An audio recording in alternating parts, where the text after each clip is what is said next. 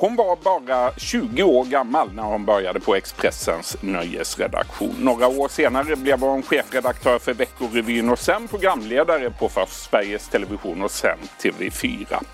Nu har hon blivit delägare i ett designföretag. Varmt välkommen hit Ebba Kleberg von Sydow. Tack så mycket. Du anar inte kul det är att vara här. Nej, det är jättekul att ha tillbaka dig, dig här. Ja. Vi jobbade ihop det många år sedan nu. Ja, vi satt där borta. Bara några meter härifrån. Ja, vi jobbade ganska mycket. Ja, det gjorde vi ja. verkligen det som liksom vi du, slet. Jag, Anders Björkman och några till som, några som till. bodde här. Mm. Ja. Men det var en kul tid. Mm, jag har sovit här någon natt jag, på en toalett alldeles säkert. Nej! Borta, jo.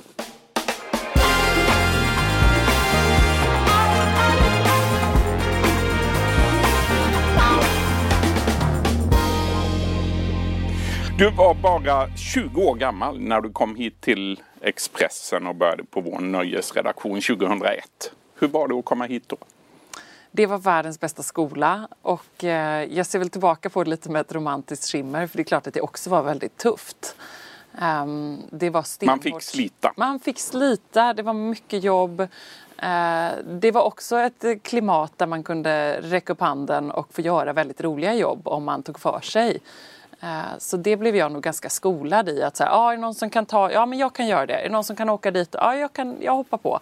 Mm. Um, så var det ju. Ja men så var det, eller hur? Absolut. Uh, så tillåtande men, men tufft. 2005 då var du 24 år gammal. Du fick jobb som chefredaktör för Veckorevyn och sen blev det tv. Först Går kväll i Sveriges Television, flera Nobelfester, tre tror jag kungliga bröllop mm. och sen hamnade du på TV4 och ledde Nyhetsmorgon i två år. Vad av allt detta var roligast?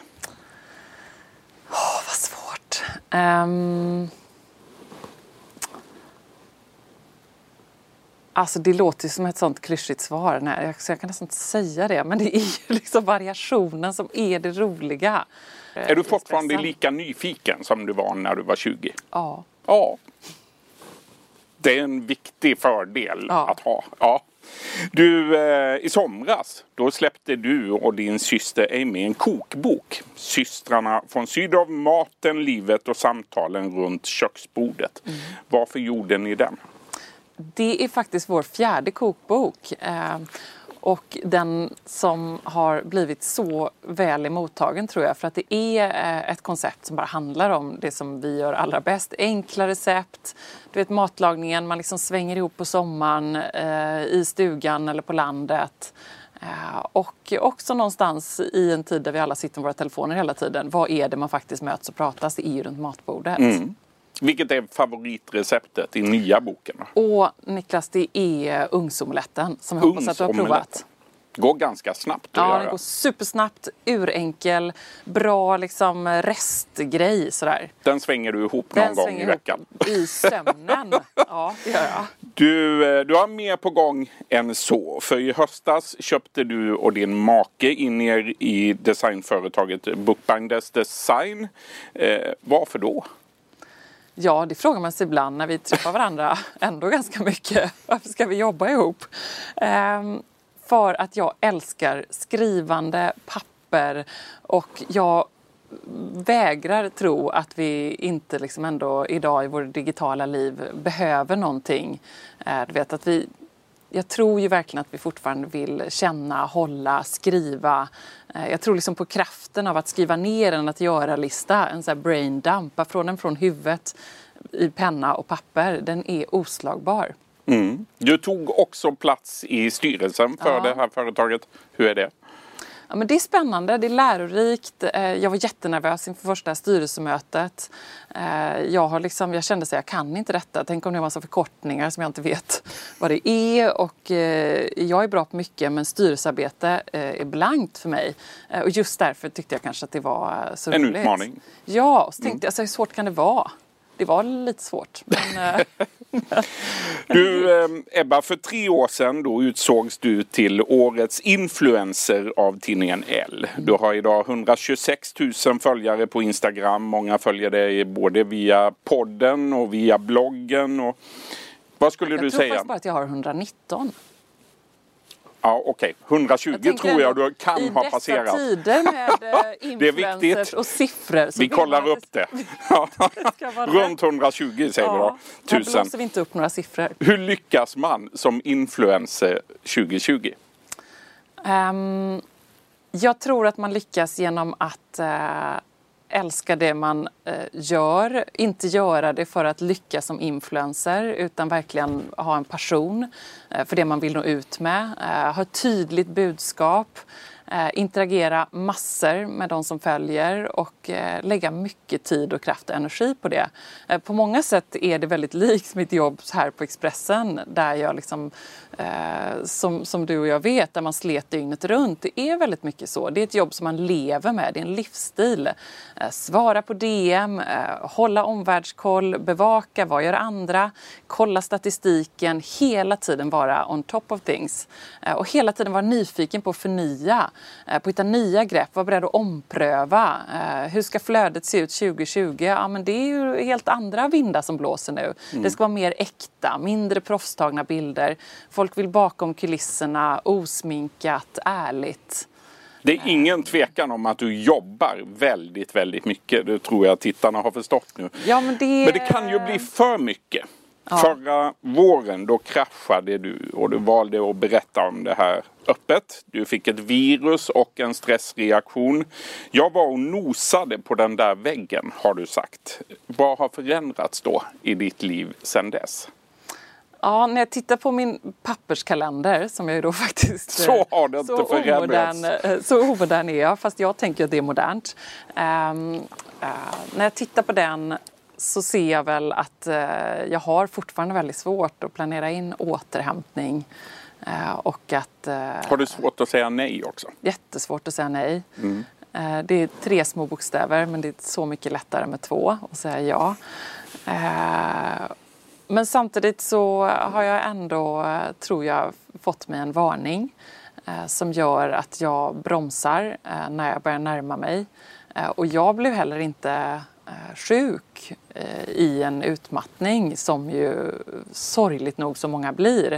Eh, Men jag tycker ändå också att det är viktigt att prata om det där när man är nära och nosa på det. Eh, Och tänk om fler kunde lyssna på de varningssignalerna. Eh, Men du har blivit något bättre på att göra Jag det i alla fall. lite bättre på det. Ja, Ja, det det, tror jag. Du är ju Faktiskt inte... Mm. en, en bra grej som jag försöker göra det är just att ha den där brain dump-listan. Alla de där grejerna som flyger in i huvudet, att liksom skriva ner dem på en lista. För det är stor skillnad från att de kommer i hjärnan och så ner på papper. Det, Mm. Det gör är nog skillnad. sant. Det är bra. Och också så på kvällen, jag har en sån bok vid eh, nattduksbordet. När de ligger och tankarna börjar snurra. Mm. Bra tips. Och man inte kan somna.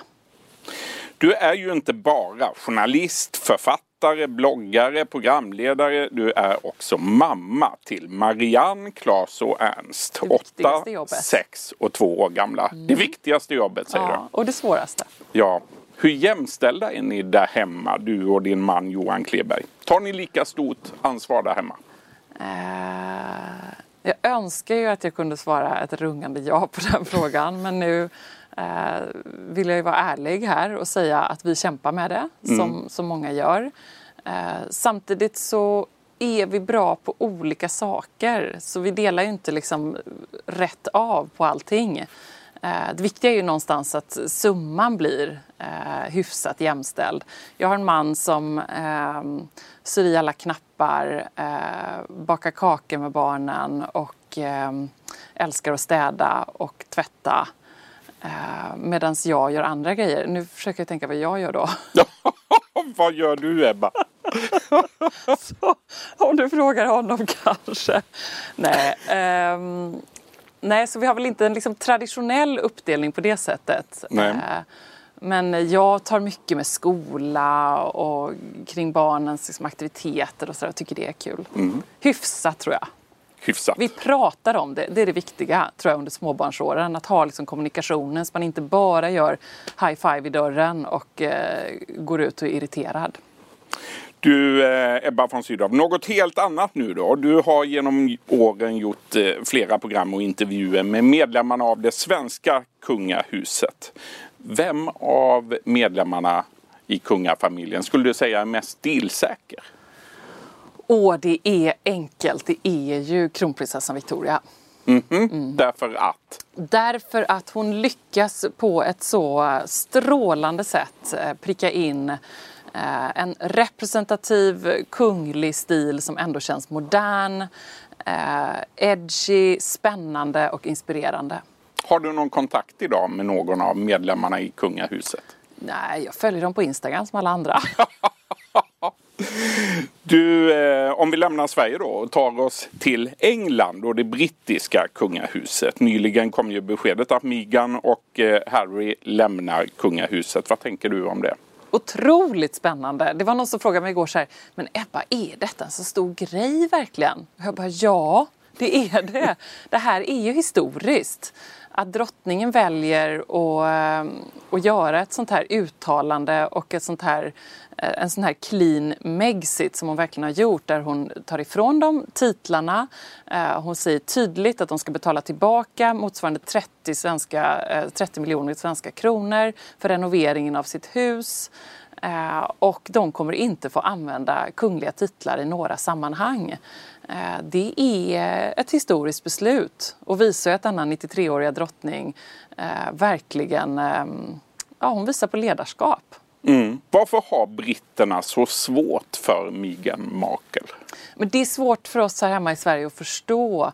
Men när man läser brittisk press och ser den eh, förföljelse, de trakasserier och den rasism som hon eh, Eh, tvingats utstå det här ett och ett halvt året som hon har varit gift och varit Duchess eh, så förstår man ju på ett mänskligt plan att hon känner att det finns ingen annan utväg för hon är så motarbetad. Eh, hur de har fått utstå att privata brev publiceras, brittisk press ringer upp eh, Megans eh, pappas systers kusins svägerska för att hitta ett citat eh, om hur vidrig hon är och vilken dålig mamma hon är. Mm. Eh, då förstår man. Tack och lov är detta något som inte liksom skulle kunna ske i Sverige på samma sätt, hoppas jag. Hoppas jag också. Du, till sist Ebba. Din farfars far, han hette Oskar von Sydow. Ja. Han var statsminister i Sverige mellan februari och oktober 1921. Du har gjort din research. Det har jag. jag är imponerad.